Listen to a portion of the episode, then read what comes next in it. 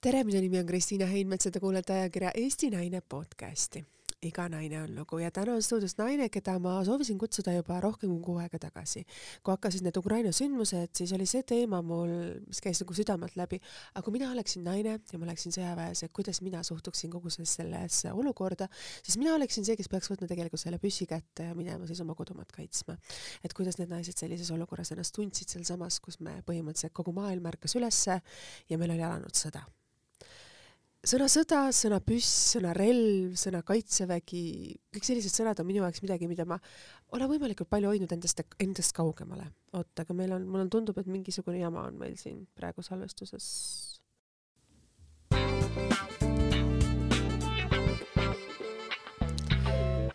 tere, minu nimi on Kristiina Helmes ja kuulate ajakirja Eesti Naine podcasti Iga naine on lugu. täna on stuudios naine, keda ma soovisin kutsuda siia juba rohkem kui kuu aega tagasi, kui esimesed kurvad uudised Ukrainast said meile kõikidele päevakajaliselt igapäevaseks, siis ma tundsin, et kuidas oleks intervjueerida naist, kes oleks Eestimaal võib-olla see, kes peaks sellise uudise ilmsiks tulemiseks võtma kätte püssi ja minema kodumaad kaitsma.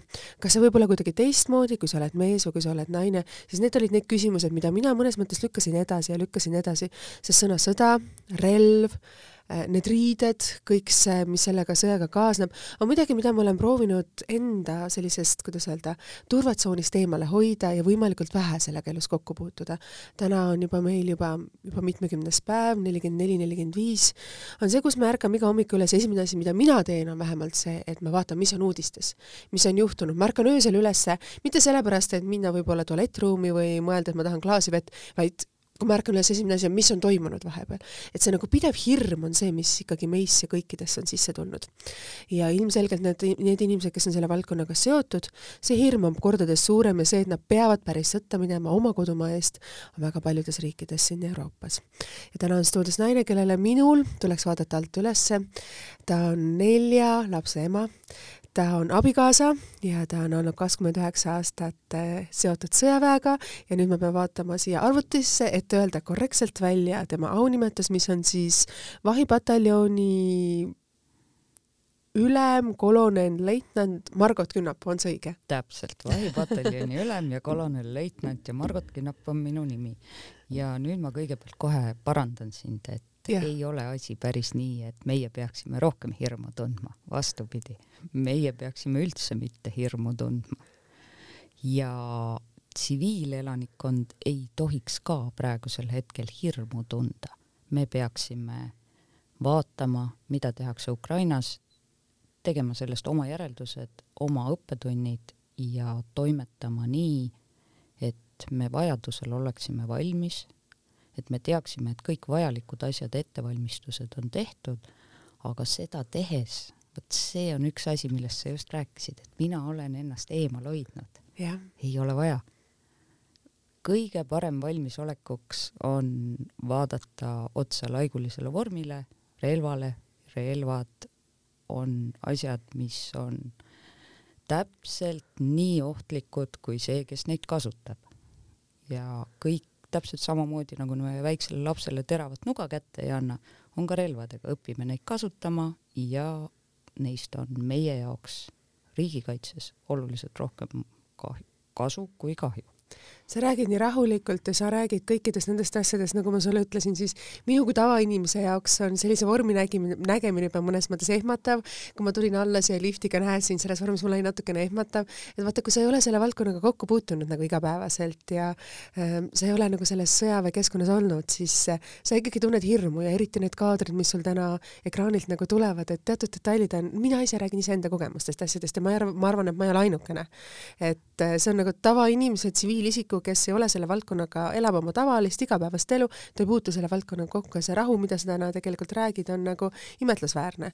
et mis on tegelikult, ma küsiksin siis kohe esimese küsimusena, mis on siis see äh, asi, mida meie peaksime nagu tsiviilisikutena täna mõtlema selle asja peale, et nagu sa ütlesid, et nagu relv ja võib-olla see kaitsemunder ei ole midagi nii hirmutavat, mis meile võib-olla tundub see võib-olla ongi esimene asi, mis endale sisemas selgeks teha, et äh, ma hirmsasti loodaks, et seesama digilaiguline vorm, mis mul seljas on, Eesti elanikkonnale pigem sisendab kindlust. ja see kindlus sellest, kuidas Eesti riik on kaitstud ja mida me kõik ja igaüks saame selleks teha, tuleb hästi paljus läbi sõduritel ajateenistuse, kaitseliitlastel, naiskodukaitsjatel, läbi selle, mida nad õpivad oma organisatsiooni raames. Ja kõik see osa ühiskonnast, kes aktiivselt ei panusta, peaksidki ehk mõtlema täpselt endale selgeks tegema, mida teeb Eesti Kaitsevägi, mida teeb Kaitseliit, kas ma saan kuskil panustada. Ja kui ma ei saa, siis pigem on see iseenda kriisivalmidus, kuidas ma iseenna, ise mitte, mitte nii väga mentaalselt, kuivõrd just füüsiliselt olen kriisiks valmis. sest siin tulebki mängu see, et kui sa oled enda jaoks läbi mõelnud, kuidas sa füüsiliselt teatud kriisideks valmis oled, kas sul on kriisivaru, kuidas, kuidas sa saad oma lähedastega kontakti, siis läbi selle tegevuse inimene maandabki sedasama ärevust, mis muidu võib-olla võtab liiga suured mõõtmed. Ka ma ise olen mõelnud selle peale, et kui nüüd midagi peaks tulema täpselt samamoodi, et hommikul lihtsalt on see uudis ja see tuleb lihtsalt üleöö, et mida siis teha, et ka sellised väiksed salaplaanid on mul tehtud naabritega, et mida me siis teeme, kuidas me siis teeme, nagu ma olen aru saanud, on nendel juba varutud paar kanistrit bensiini sinna, kuidas öelda siis, garaažiruumi, et kui midagi peaks olema, siis see, et sa saad kohe esimesel võimalusel nagu lahkuda, seda just teha lastega, et see on nagu hästi-hästi oluline, et sa saaksid kuidagi siit põgeneda, sest noh, mina väikeste laste emana ilmselgelt kardan seda relva, kardan neid asju, siis mina ei oska oskaks nagu panustada selliselt, võib-olla kuidagi teistmoodi, kajastades või tehes seda midagi teistmoodi, et mina oleks pigem see, kes nagu põgeneks siit esimesel võimalusel ja just seda sellepärast, et tagada oma laste turvalisus. kriisiolukorras on see ilmselt äh, iga kodaniku enda valik ja siin ei saa keegi öelda, et mis on õige, mis on vale, aga samas tuleb alati mõelda selle peale, et mis juhtub siis, kui see millegipärast võimalik ei ole. Ja, ja ega see ei tähenda seda, et maailm äkki otsa saaks. kui me vaatame, noh, ühest küljest kõik see, mis toimub Ukrainas, see, see pressikajastus, kõik muu, see on kohutav, aga samas on ka see, et me peame mõtlema pidevalt, vähemalt mina tunnen, et Eesti Vabariigi kodanikuna ja selle kodanikuna, kes teab, et see maalapp on siin see ainuke, mis meil eestlastel on siis ma alati pigem üritan mõelda selles suunas, kuidas oleks võimalik sündmusi niiviisi suunata, et meist igast ühest siin kasu oleks. Lapsed on tegelikult need, kes oleks vaja siit kuidagi öelda ära päästa ja see on isegi see teema, mida ma mõtlesin, noh, paljud otsustasid sinna jääda ja need kaadrid, mis ilmnesid seal pärast sellist öelda nagu Vene, Vene vägede taganemist, need olid ikka väga hirmutavad ja väga šokeerivad selles mõttes, et selline olukord, kus on tsiviilisikuid, kes otsustasid sinna jääda ja neid mitte kaitsta, vaid neid panna sellisesse olukorda, et see oli väga õõvastav. Sellised see on üks osa sellest. see, ma ei saa öelda, et see on üks osa alati sõjategevusest, selles mõttes, et see, mis, mis seal toimub, noh, need asulad, mille pildid avalikkust niiviisi šokeerivad, see on ilmselgelt sõjakuriteod. aga nüüd, kui me räägime sellest, mida meie eestlastena teha saame, siis absoluutselt üks asi on väiksed lapsed, äh, laste evakueerimine, teine asi on see, et ega me ei lõpeta emaks olemist ära siis, kui lapsed suuremaks saavad ja need on sama, needsamad meie lapsed, kes Eesti Kaitseväes ka selle vastukaaluks oleva jõu tekitavad. ehk siis äh, ma arvan, et me, meie emadena, noh, mina emana tean, et minu neljast lapsest kaks on need, kes lähevad rindele? no kas just rindele, sest vaatame, kus kohas see rinne on, aga nemad kaitsevad Eesti Vabariiki relv käes. kaks last ei kaitse. ehk siis nemad on veel liiga väiksed äh, ja või noh, mitte väiksed, vaid nad ei ole piisavalt vanad, et võtta kaitseväekohustust sul tütar on ju läbinud äh, juba kaitseväekohustuse ja tal on ka noor, nooremleitnandi auaste? tal on lipniku auaste ja, ja tema tegi kaks aastat tagasi teadliku otsuse ja mitte minu soovitusel, vaid ise, et tema tütarlapsena tahab minna ajateenistusse, läbis ajateenistuse, sai oma reservrühma ülema kursuse tulemusena Lipniku auastme ja on praegu meie Kaitseväe reservüksuses oma ametikohal.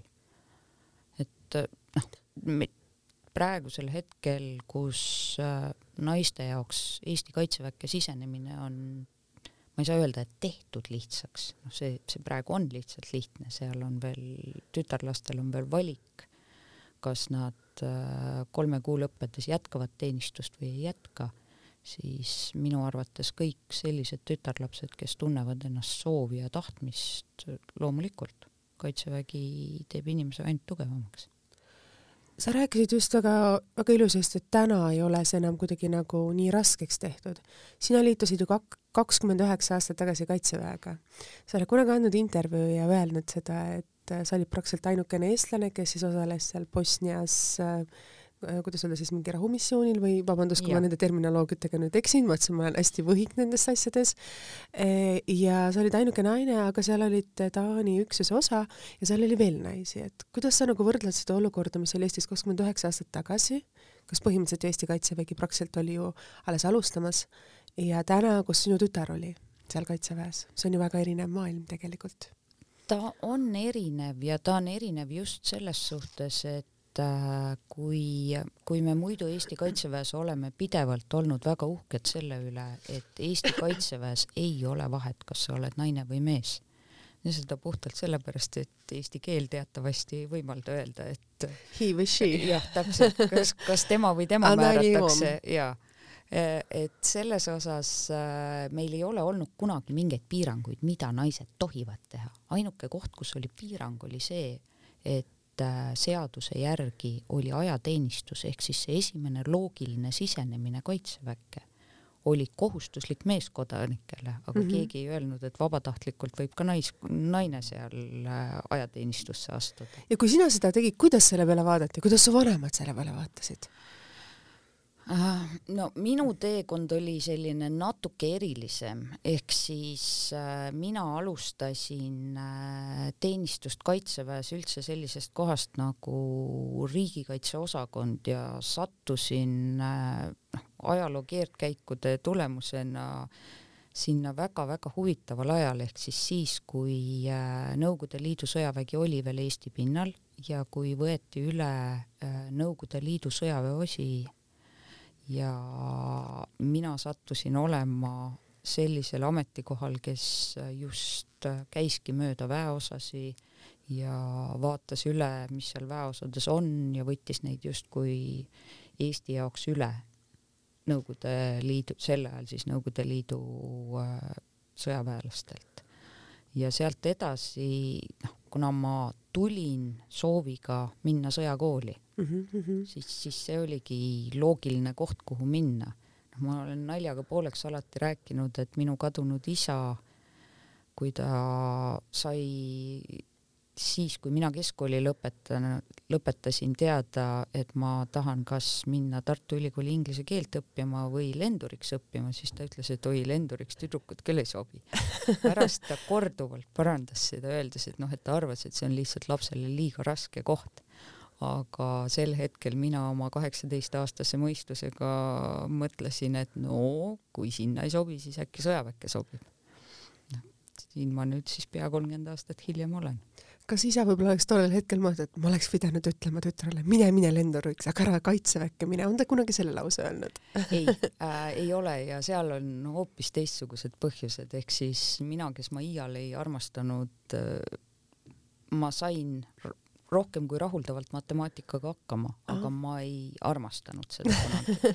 ja isa teades, kui palju peab lenduriks õppides tegelema reaalteadustega, siis ta arvas, et see on mulle lihtsalt vaimselt liiga raske, tal võis ka õigus olla. pigem sellisest heatahtlikust isalikust äh, soovist.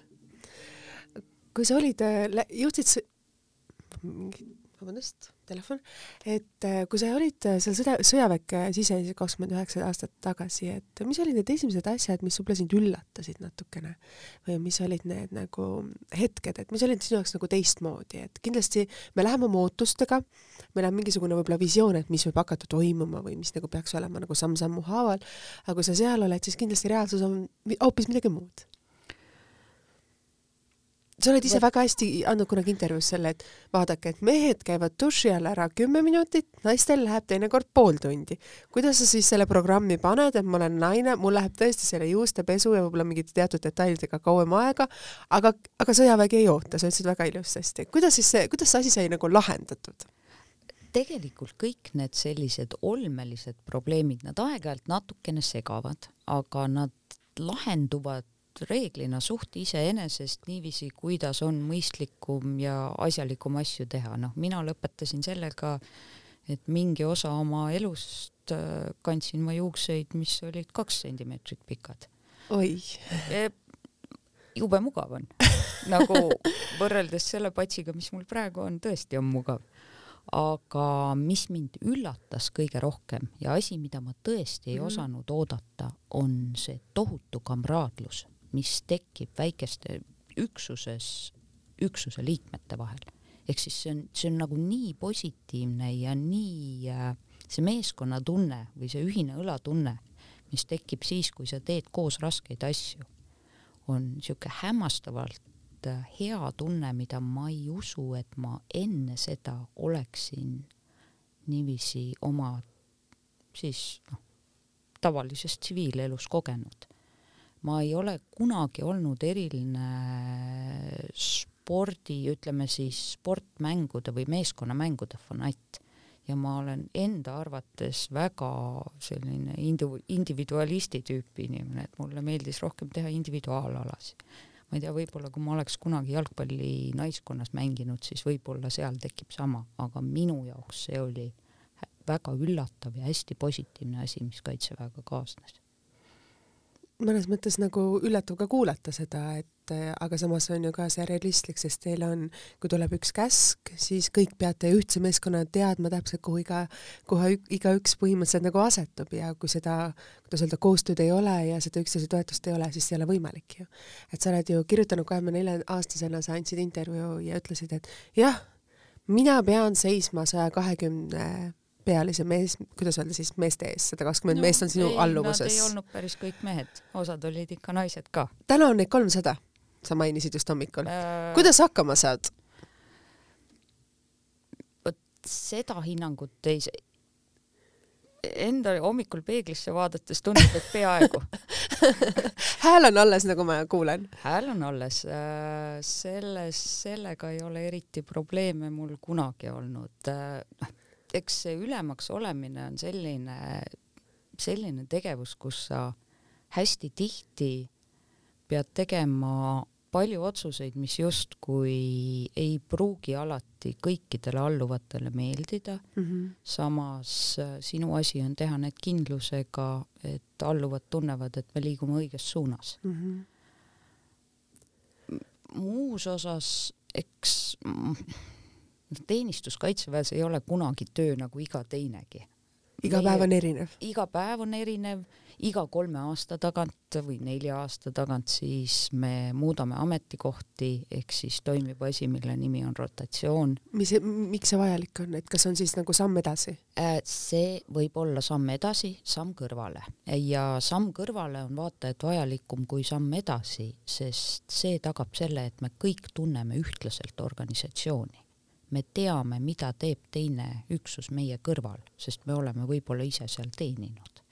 ehk siis äh, Kaitseväe üks aluspõhimõte ongi see, et äh, kui sa ei ole väga spetsiifiline erialaspetsialist, kui sa oled tavaline riviohvitser või allohvitser nagu mina, siis sa iga kolme-nelja aasta tagant saad järgmise ametikoha, mis parandab sinu enda oskusi, aga parandab ka sul organisatsiooni tundmist mis vahet on siis sellise, nagu sa ütlesid, jalaväeohvitseril ja siis võib-olla, ma ei tea, teistmoodi siis ohvitser, mitte jalaväeohvitser, et kuidas neid kvalifitseerida, ma olen väga rumal nendes terminites, nii et kindlasti tekitab sul see naerapahvuka või naera, naer, naeratamise tunde. ometi mitte äh,.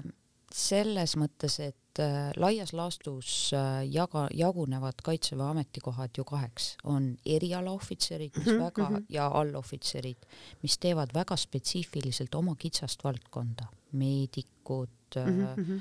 ma ei tea, ajakirjanikud kasvõi mm, -hmm. äh, kelle, kellel on tsiviilelust pärit haridus ja teadmised oma spetsiifilises valdkonnas mm -hmm. ja siis on riviametikohad ehk siis mitte ainult jalaväelased, vaid ka suurtükiväelased, pioneerid, kes iganes, kõik õhutõrjujad.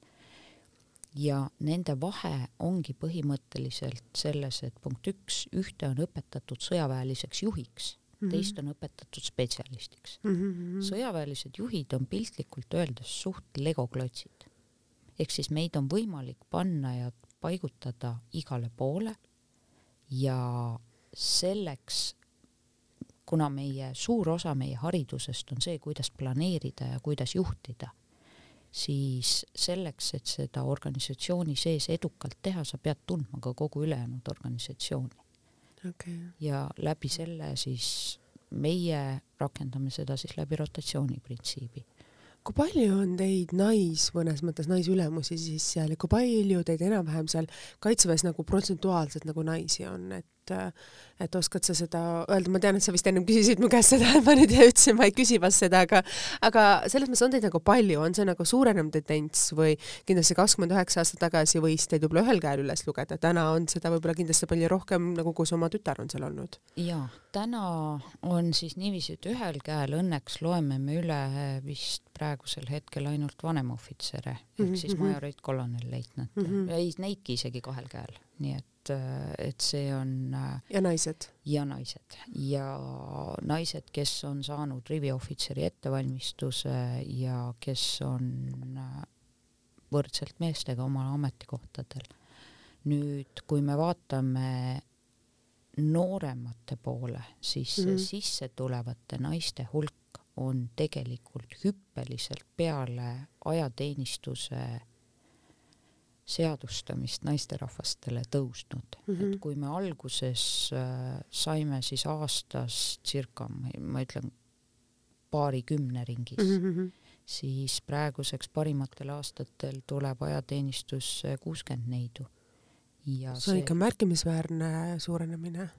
on ja, ja seda on tunda selles suhtes, et loomulikult kõik need neiud ei jää edasi tegevteenistusse mm, -hmm osad neist äh, liiguvad tagasi tsiviilellu, nagu minugi tütar, aga need, kes jäävad, nende arv tõesti suureneb. Ja ma praegu vaadates küll ei näe, et, et see nagu mingit kvalitatiivset halvemuse või paremuse poole muudatust oleks teinud, ehk siis see on üks minu uske ja üks neid asju, kuidas mina näen teenistust, ongi see, et meil on teenistuses kas pikad juuksed või lühikesed juuksed, meil on kas vuntsid või hommikul ei vaja habeme ajamist, aga meie ülesanded on suht samad mm. -hmm sa rääkisid seda nii ilusti, et on pikad juuksed ja on lühikesed juuksed, on vaja habemit, habet ajada või mitte habet ajada. kuidas on, kas teil on ka erisusi seal selles mõttes teha, kui ma olen naine, siis mul on võib-olla teatud asjad nagu rohkem lubatud, kui ma olen mees, mul on teatud asjad või kuidas nagu need olmetingimusi või mingeid asju või kõik on täpselt ühtemoodi kõigile võrdselt, et ei ole vahet, kas naine või mees või, või on mingisugused väiksed erisused või asjad ikkagi? loomulikult, ega looduse ja bioloogia vastu ei saa ja no täpselt, ma just seda nagu mõtlengi, et on teatud detaile teinekord või et... jah, aga samas nii palju kui mina tean, ei ole meil ka meestel keelatud patsi kanda juhul, kui ta on täpselt samamoodi korralikult krunni seotud nagu minu oma. ja meil vahipataljonis on olnud juhus, kus ka presidendi lossi ees on seisnud noormees, kellel oli täpselt samasugune pats nagu mul ta küll võttis väga hinge seda, kui talle öeldi, et näete, vahipataljonis on ka tüdrukud valdkonda toodud. aga, aga ei, nali naljaks, tegelikult on ikkagi niiviisi, et äh, loomulikult on teatud mõistuse piires erisused mm, -hmm. aga mitte palju, aga need on okei okay ja neid aktsepteeritakse, kui teinekord on see vajadus. absoluutselt ja teisest küljest on jälle see, et noh, see, mis tihtipeale šokeerib vanemat generatsiooni mm, -hmm. aga mulle tundub, et sugugi mitte nooremat generatsiooni. ja see on? sõdurid kasarmus elavad ühes samas toas. sõdur, kas ta on tütarlaps või noormees, elavad koos ühes toas ja noh, tütarlastel on, nende kapid on asetatud niiviisi, et neil on mingi privaatsus seal, aga tütarlapsed on täpselt samamoodi allüksuste juures ehk siis see ei ole enam niiviisi, sel ajal, kui mina noor olin mm, -hmm. oli, oli siis tavaliselt see, et kui tütarlaps tuli allüksusesse, siis ta pandi elama kuskile hästi kaugele taha nurka üksinda tuppa. aga seesama meeskond, mis peab toimima mm -hmm. ühtse meeskonnana mm, -hmm. ei saa toimida niiviisi, et keegi tuleb kuskilt nurga tagant kümne minuti kauguselt kutsuda. ja läbi selle praegu ajateenijad siis kõik võitlejad elavad ühes toas aeg-ajalt tuleb keegi vanema generatsiooni esindaja, kes pööritab silmi, aga tegelikult asi toimib. noorte jaoks on kõik okei okay ja nemad ei, nemad ei protesteeri? Täiesti no, üllatav. jah, protesteerimine on meil Kaitseväes üldse selline asi, et see ei ole lubatud seda tuleb ette ja seda ei saa päris ära keelata aga ütleme niiviisi, et teenistuse jooksul kuidagi lepitakse asjadega oluliselt rohkem, kui seda vanemate juures kodus lepitakse. mis on need asjad, mida sina siis oma töös näed, mis võib-olla vanemate juures kodus olles kuidagi ei, ei, on sellised asjad, mille üle saab vaielda ja mis on need detailid võib-olla, mida sina ka igapäevaselt võib-olla kokku puutud, mille üle siis sõjaväes ei saa vaielda? Selle... mõned lihtsad näited näiteks. selle, sellega on natuke nii, et äh, hästi paljud meist emadest on olu, olukorras olnud, kus sa viid lapse kellegi juurde midagi ja siis sa saad lapse tagasi, kelle kohta öeldakse, et mis mõttes, et ei, ta ei vaielnud mitte millelegi vastu. kaitseväes on natukene samamoodi, aga samas kaitseväes vot üks asi, mida ilmselt meie emadena peaksime teadvustama, on see, et me saame lastele selle ajateenistuse alguse teha lihtsamaks ja me saame seda teha lihtsamaks läbi selle, et me ei pane neid vati sisse. ehk siis äh, kaitsevägi ja ajateenistus on suht kollektiivne tegevus. üksi olla äh, ärge segage mind, sellist võimalust meil tegelikult ka ei ole. ehk siis sõdur elab kümnekesti ühes toas sõduril ei ole mitte midagi teha, ta on seal toas, ta on oma selles voodis ja ta peab taluma ära ka teised enda ümber. kindlasti ka toit sinna juurde, et ei saa valida. ei, toitu ei saa valida ja, aga see on üks jälle võib-olla üks minu kiikse, aga ma olen alati öelnud, et kui sõdur kurdab ainult toidu üle, siis on kõik hästi. sest see, see on niisugune asi, mis on alati nii individuaalne, et noh, ühele lihtsalt ei maitse maksakaste teisele väga maitseb, no mis sa teed. aga, aga emadena jah, me, me saame teha seda, et me saame lastel soodustada igasugustes laagrites käimisi. täpselt samamoodi see, et noh, kui laps tahab minna jalgpallitrenni, las ta siis läheb, isegi kui võib-olla see sooritus ei ole selline, et must lapsest tippjalgpallur tuleb, aga seesama kollektiivne sport on asi, mida mina vähemalt ise olen märganud, et väga paljud sõdurid, kes on tegelenud kollektiivsete spordialadega, sulanduvad kaitseväes lihtsamini. ahaa, vaata kui hea tähelepanek. mis ei tähenda seda, et maratonijooksja ei sulanduks aga, aga see on jälle üks selline asi, mis natukene aitab aitab elus nagu mõnes mõttes omada sellist oskust, et, et sa saad nagu sellise suurema keskkonnaga erinevate probleemide lahendamisega hakkama ja et sa ei ole selline väga suur individualist. täpselt, see on, see viimane on see kõige tähtsam, et sa saad aru, et sa oled üks mutter või üks paar jalgu suures mängus. Ja see on see, mida meie tegelikult teeme ju, et Kaitseväes ei ole individualiste. me olemegi kõik ühe suure masinavärgi üks mutter mina ja ükskõik milline reamees minu kõrval. sul on äh, neli last ja sa oled kahekümne nelja aastasena juba andnud selle intervjuu, kus sa olid siis beebiootel ja samamoodi rääkisid erinevatest detailidest, asjadest, et see on imetlusväärne. Omada karjääri kaitseväes ja sul on neli last, kuidas sa selle emaks olemise ja oma töö oled suutnud ühildada? ma arvan, et mu lastel oleks vist selle kohta üht-teist halvasti öelda. kas Ega... on olnud sinu, sa oled äh, võtnud otsuse, et sa oled neli last siia ilma sünnitanud ja tänaseks on nendest kaks juba, nagu ma saan aru, väga suure, on palju suuremad, kaks tükki veel väiksemad, et ikkagi me naistena peame leidma selle tasakaalu, et mõni otsustab rohkem pühenduda karjäärile ja lastes hoolitseb näiteks abikaasa või vanaisad, vanaemad, mõni teine otsustab ennast pühendada täiesti perele, lastele, et me kõik teeme oma valikuid erinevalt ja lähtume oma, kuidas öelda, lähtekohtadest või sihtkohtadest, täpselt nii, nagu me tunneme, et on õige oma elu elada. ja seda ei saa kellelegi ette heita, et miks sa teed nii või miks sa teed naa, ei ole õiget otsust ju tegelikult. et kuidas nagu sina suutsid seda kõike hallata, et see on nagu müstika. jumala eest, ma ei suutnud seda kõike hallata aga ma... ikkagi neli last on olemas ja nad on täna tublid ja nad on edukad ja nad saavad väga hästi omadega hakkama uh jaa, ma õudselt loodan, et saavad. Äh, selles suhtes, et minu puhul oli lihtsalt see, et mingil hetkel ma tegin teadliku valiku, et ma ei taha karjääris liikuda edasi nii kiiresti, nagu ma oleks sügaval sisimas tahtnud või saanud. aga miks? Täpselt sellepärast, et äh, mingil eluhetkel laste elust on neil ema ikka ja. vaja võib-olla natuke rohkem, ma ei saa öelda, et rohkem kui isa, sest noh, väga paljud isad on samamoodi väga-väga head selles. aga ütleme nii, et ma olin nii palju egoist, et ma päris laste lapsepõlvest ilma ei tahtnud jääda.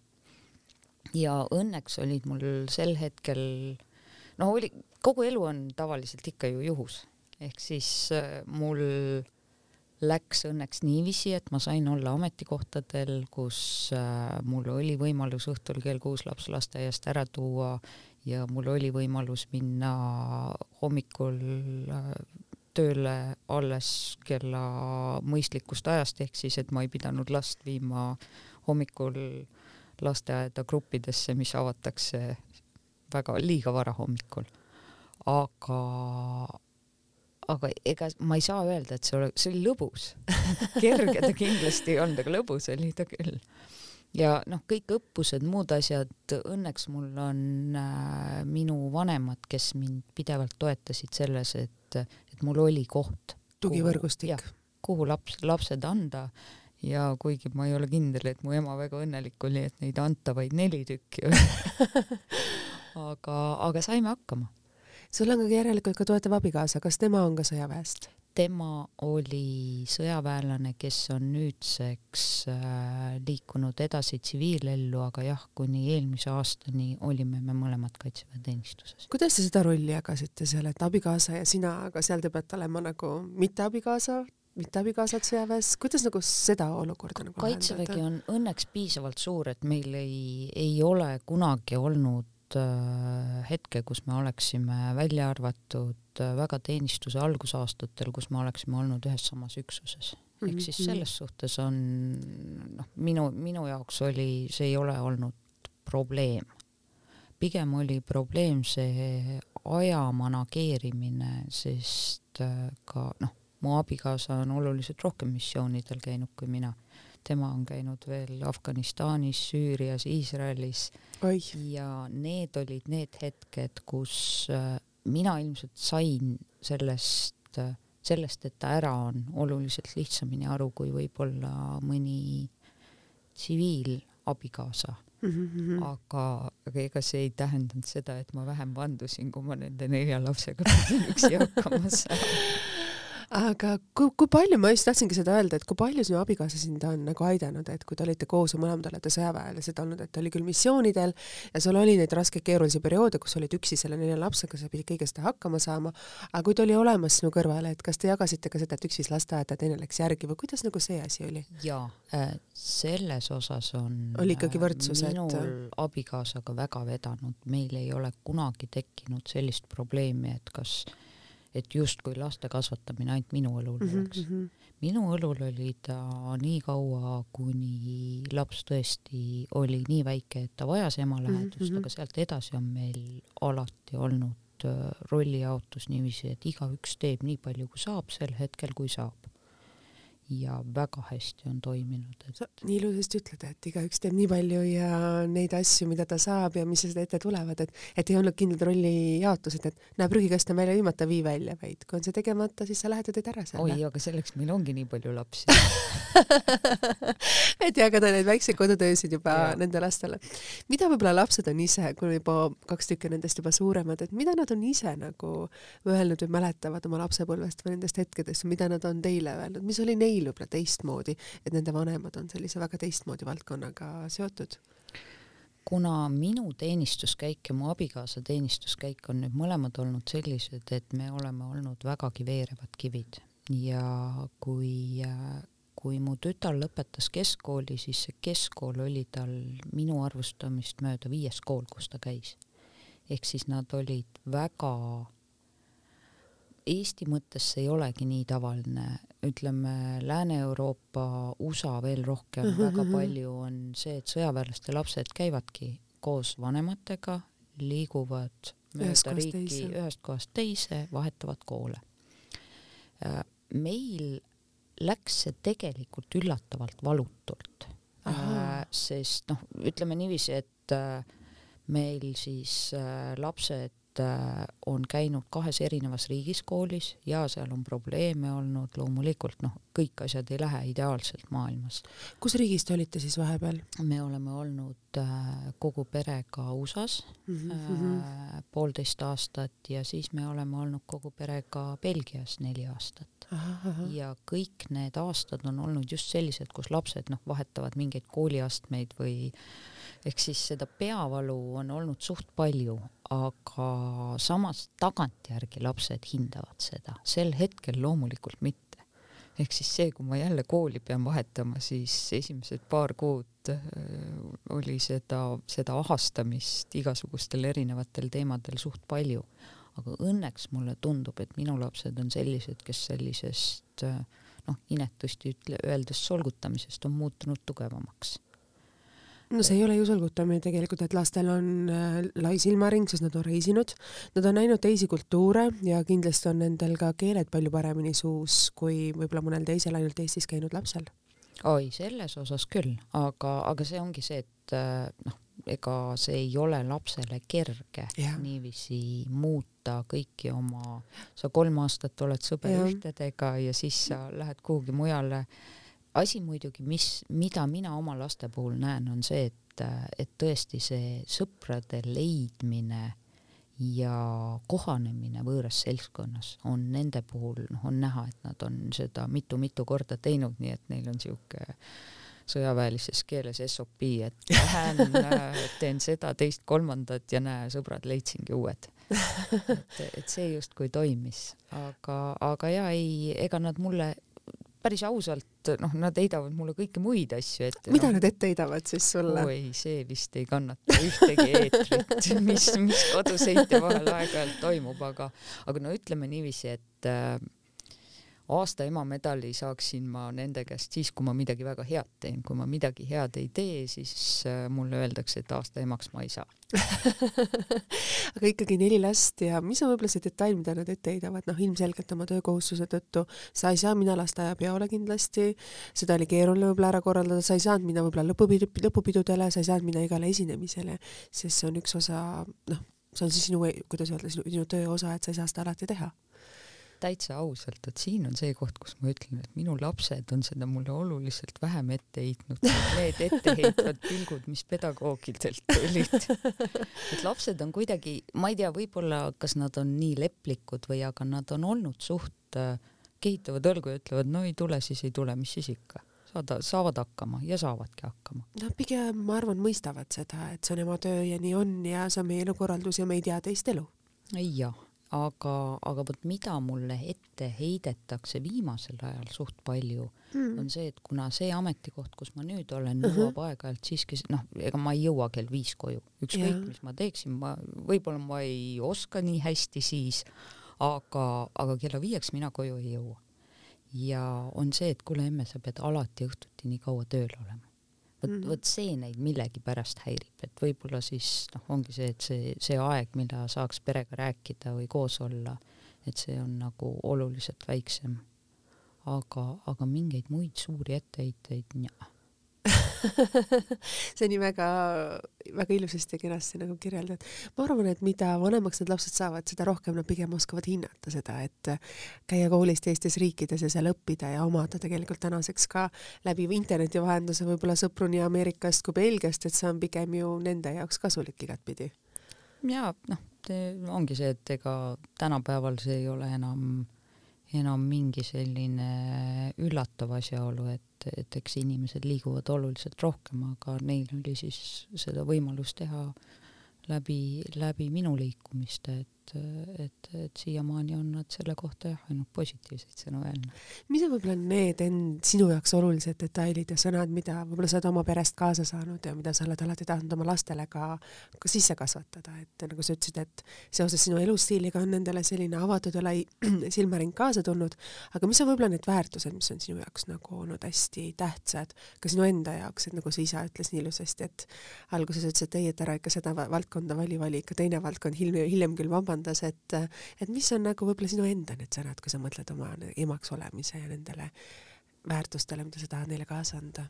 üks asi, mida ma väga tahtsin oma lastele kaasa anda ja võib-olla osaliselt olen ka suutnud, on see kolka patriotism, olenemata sellest, kui palju sa ringi liigud. ehk siis meie, minu lapsed on nüüdseks siis äh, siitsamast Tallinnast neljandad põlve nõmmekad ja Nõmme männid ja see, et Nõmmel on alati kodu, on see, mis on neile sisse juurdunud päris hästi. ehk siis me oleme liikunud hästi palju Tartus, needsamad USA-d, Belgiad, aga Nõmmel on kodu, kuhu tullakse alati tagasi. väga ilus, et laps teab alati, et Nõmme on see kodu et see on see, midagi jääb nagu südamesse. aga mis on nüüd, ütleme, üks on emaks olemine, teine on ka naiseks olemine. et su töö on selline natukene ikkagi mehelikumast valdkonnast, et aga mis on need detailid või asjad, mis paneksid sind naisena tundma, et tahad sa ka aeg-ajalt minna õhtuti kontserdile või soovid sa minna teatrisse või sinu jaoks on oluline veeta aega koos sõpradega ja kas sa paned teinekord jalga kontsakinga? Kontsakingi panen ma jalga ainult siis, kui A ma pean kandma õhtuvormi või B millegipärast ma tõesti pean kuskile minema kleidis äh,. ma teen seda siukse pika hambaga, aga ma väga ei taha. ma olen tegelikult juba oma iseloomult äh, noh, inimene, kellele, kes ei teeks selliseid asju, ma ei tunne ennast selles, ma, ma äärmine respekt kõikide inimeste vastu, kes suudavad kontsakingad jalga panna, aga uskuge mind, saapad on nii palju mugavamad. Aga mis minu jaoks on see, on ega, ega ma olengi tegelikult noh, ma ei ole selline tüüpiline, ükski inimene ei ole tüüpiline, aga, aga ma olen suhteliselt ükskõikne oma välimuse suhtes, kui see ei ole vorm ehk siis minu jaoks see kiiks, mis, kuidas asjad ilusti korras peavad olema, on see, kui ma olen vormis. teine asi, ma ei ole liiga, liiga sotsiaalne inimene. ehk siis minu vaba aeg tavaliselt äh, veedan ma igasuguste erinevate loomade, olgu need siis koerad või hobused seltsis. ma leian, et nad on pool aega oluliselt mõistlikumad kui inimesed ja, ja ma naudin seda ja see vaba aeg, mis sealt äh, veel üle jääb, noh siis loen nii palju, kui vähegi aeg ja silmad kannatavad ja ega siis saabki see kakskümmend neli tundi otsa, et pigem selline ka oma rahulikkushetk on ju täiesti luge-, lugemine selles mõttes ikkagi, et sa suudad seda leida oma nelja lapse kõrvalt, sest emme, emme, emme on ju see tavaline osa elust. see oli mingi ütleme kaksteist, kolmteist aastat minu elus, kus see oli suht välistatud. läbi selle nüüdseks, kui lapsed on nii palju suuremad, siis ma ilmselt teengi tagantjärgi, et kõik need kriminullid, mis kunagi jäid läbi lugemata, neid võiks nüüd nädalavahetusel lugeda. Neid asju saab nautida, et ongi, et me naistena peame tegema oma neid eluperioode ja valikuid. no see ei kuulu täna minu päevaplaani, aga see on mul mõttes ja kui ma saan, siis ma kasutan seda kui sa mõtled nüüd tagasi selle oma nende sõjaväeliste erinevate situatsioonide ja rollide ette, sa ütlesid, et sa oled väga palju erinevatest töökohtadest nagu, ei ole töökohtadest minu jaoks siis need lego osakesed, mida tuleb sõjaväes siis läbida selleks, et sa oskaksid seda süsteemi ja teaksid seda süsteemi. milline võib-olla see lego osakesse kuulumine on sinu jaoks olnud võib-olla kõige raskem ja mis on võib-olla olnud kõige kergem sinu jaoks või sinu jaoks on väga lihtne seista kolmesajas pealise, kuidas öelda siis meeskonna või siis selle pataljoni ees et mis on sinu jaoks nagu sõjaväes nagu lihtne, mis on nagu võib-olla raskem olnud, et neid töökohustusi on sul ju tegelikult äärmusest äärmuseni olnud? ma ei oska öelda, kas raske, aga hästi, hästi suure väljakutse esitas minu eelmine ametikoht. Ehk siis äh, Brüsselis äh, esimest korda olla rollis, kus sa oled äh, kaks kolmandikku sõjaväelane, aga üks kolmandik justkui diplomaadi rollis. see oli see, kus ma tundsin, et ma pidin väga palju juurde õppima. Äh, pataljoni ülema ametikoht, noh, see on, see on nii palju minu jaoks tähtis ja samal ajal ka sellise hulga inimestega koos töötamine on nagu nii vastutusrikas mm. -hmm. ta on see vastutus, aga samal ajal sa naudid seda vastutust, see on niisuguseid alluvaid, nagu mina oma praeguse viimase kahe poole aasta jooksul vahipataljoni ülemana, no nendega on lust koos teenida. mida, midagi paremat on ülemale väga raske tahta. kuidas su tööpäev välja näeb siis täna praegu äh,? Pigem kuidas mu nädal välja näeb, et esmaspäeva hommik algab kõigepealt pataljoni rivistusega mm -hmm. ja sealt edasi erinevad koosolekud, äh, väljaõppe planeerimise jälgimine, äh, väljaõppe de facto jälgimine, et kõik läheks nii nagu peab, äh, erinevate ülesannete käskimine ja selle täitmise jälgimine, ehk siis noh, meie vahipataljon on ju teatavasti ühest küljest sõjaväepolitsei mm -hmm. ja teisest küljest on meil ka tseremoniaalroll yeah. ja läbi selle me oleme, ma alati naeran, et me oleme maailma kõige painduvam sellest, kuidas me suudame ühest ülesandest niiviisi sujuvalt teisele üle minna ehk siis, et kui vahipataljoni sõdur on hommikul näiteks Männiku lasketiirus mm, -hmm. Siis pärastlõunal võib ta juba seista presidendi lossi ees äh, aukompanii ridades.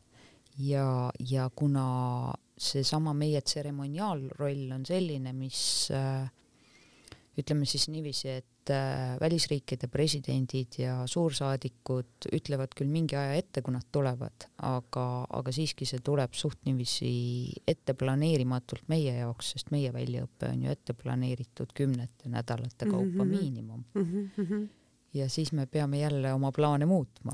plaanide muutmine tähendab väga aktiivset tegutsemist selles osas. sinu jaoks on ju. ja et, et aga see on ta on osa elust, ta on sihuke ühest küljest noh, ma ei saa öelda, et ta lõbus on, sest olgem aus, ega sõduril alati ei ole väga lõbus teha ümberpöörd ja hakata tegema totaalselt teistsugust asja. aga, aga see on selline paras võimlemisväljakutse, et äh, mida, millega on, pakub päris rahuldust, kui sellega normaalselt hakkama saada. sa ütlesid, et esmaspäeva hommikul sa rivistad üles oma pataljoni. jah Äh, Mis... pataljoni vee peal rivistab nad üles, mina jõuan siis kohale, kui nad on üles rivistatud. ja mis on need esimesed sõnad, mida sa ütled ja mis on see hääletoon, mida sa kasutad? vahipataljon tervist, täpselt selline. ma, ma ei hakka, ma ei hakka siin selle mikrofoni ees nii kõvasti ütlema, nagu ma rivi ees ütlen, aga see on kaitsevägi on selline organisatsioon, mis ühest küljest on väga pidevalt muutumuses aga teisest küljest äh, on see, et meil on teatud traditsioonid, mis on väga-väga pikad. Ja mm. see, kui ülem tuleb rivi ette ja ütleb rivile tervist ja rivi vastab ühel häälel ülemale tervist, see on, see on meie viisakus, nii asjad käivad lihtsalt kaitseväes, see on sama loogika nagu see, et sa kaitseväes alati tervitad ülemat ükskõik kas siis käe tõstmisega nii nagu, nagu peab rivis või ma ei tea, poesabas on väga naljakas alati või mis naljakas, see on positiivne on vaadata, kuidas äh, sõduritel, kes on juba reservi läinud, läheb selg sirguga, nad lähevad kokku, käed külje peale ja sind tervitatakse korrektse noogutusega. et no see on, see on lihtsalt osa meie organisatsiooni kultuurist. Et seda kultuuri õppida, kaua ühel sellisel alles sõjaväkke tuleval noorel läheb aega, et ta need kannad kokku, selg sirgeks ja tervis suudaks ilusasti öelda täpselt nii ühtemoodi nagu kõik teised? oi, see, selles suhtes see on lihtsalt üks väike osa õppimisprotsessist äh, tavaliselt ongi niiviisi, et sõdur tuleb ajateenistusse kogu Eesti kaitseväel, seitse mm -hmm. esimest nädalat on enam-vähem ühesugused siis nad õpivadki kõike seda ja. detaile ja neid asju ja neile, kuidas öelda, äh, süstitakse see pea sisse, et need, need, need reeglid ja siis, kui hiljem nad, nagu, nagu sa just mainisid, kannad kokku, selg sirgeks, siis on see midagi, mis tuleb neil juba loomulikult. ja selles suhtes meie vahipataljonis peame sellele, mida meie nimetame riviliseks distsipliiniks natuke rohkem tähelepanu pöörama, aga, aga jaa, seitsme nädala lõpus, kui nad annavad oma sõdurivande siis, siis on nad kõik äh, juba vähemalt rivis näevad nad kõik välja sellised, nagu üks kaitseväelane peab nägema väga hästi öeldud. meie saade hakkab vaikselt, kuidas öelda, lõpupoole saama ja meil hakkab aeg täis saama ja ma küsiksin sinu käest, et kuhu edasi, et äh, nii palju oled sa ju tegelikult ju saavutanud selles valdkonnas ja sa ütlesid, et su abikaasa on juba lahkunud mõnes mõttes nagu tsiviilellu või ma loodan, et ma neid terminoloogiaid nüüd õigesti kasutan äh, kuhu edasi sa ise tahaksid nagu liikuda, et kas sa jätkad sõjaväelises valdkonnas või sa tahad kuskile edasi liikuda, et mis on nagu sinu visioon või kuidas sa nagu mõtled või tunned ennast, et et palju on tehtud, kas on veel midagi, mida teha või on veel midagi, mida sa tahaksid avastada inimese või naisena? tead, kunagi viis aastat tagasi küsisin ma oma siis seitsmekümne kahe aastase isa käest, et kuule, et et sa oled nagu nii vana, et kas sa veel leiad midagi, mida teha. ta vaatas mulle suurte silmadega otsa, et kuule tüdruk, et mis mõttes vana, loomulikult leiab midagi veel teha. Äh, ma hakkan varsti pool sajandit vanaks saama, ma tunnen ennast enda nahas suht hästi. Äh, kindlasti on veel väljakutseid, mida ma tahaksin teha. ma ei ole väga kindel, kui hästi see minu tsiviilellu sulandumine läheks ja mis suunas ta läheks, ehk siis ma ei ole päris kindel praegu, et ma julgen sinna sunna, sinna kahe aasta ehk siis kaks aastat on veel see koht, kus jätkub minu teenistus kindlalt Kaitseväes ja sealt edasi on mul juba valik. aga ma tahan olla alati seal, kus ma tunnen, et ma olen, et must on kasu. ja noh, see, et mulle endale seal meeldib, see on ka boonus praegusel hetkel tunnen ma ennast vahipataljoni ülemana väga hästi, vaatame, mis aasta toob. sa ütled väga ilusasti, ma loodan, et need, kuidas öelda, vahipataljoni ülemaks olemine järgnev aasta saab olema ikkagi meil rahus, et me suudame säilitada, kuidas öelda, Euroopas selle kaine mõistuse ja need sündmused, mis seal Ukrainas on, ei laiene kaugemale. sest kui seda teeb, siis on ikkagi ju see üks valdkond, kuhu sina pead otsa vaatama ja päris kriitiliselt absoluutselt ja meie kaitseväena, noh, meie ülesanne ongi valmis olla. Äh, see on osa meie teenistusest ja see nii on. et minu ainuke lootus on see, et me suudame, punkt üks, et me oleme valmis, aga teine ka, et me pidevalt lapsevanematena pidevalt ka üldse kodanikena arvestame sellega, et meil on teatud osa meist, kus me peame panustama selleks, et Eesti sellisena kestaks, õitseks ja saja aasta pärast oleks mitu korda ilusam koht meie lapselaste ja lastele aga ma lõpetaksin nende saate nende samade sõnadega, mida sa ütlesid. ka mina loodan anda panuse, kuidas öelda siis Eesti riigi kodanikuna, kolme lapse emana ja naisena sellesse, et meie riik säiliks ta oleks täpselt selline, nagu ta oleks.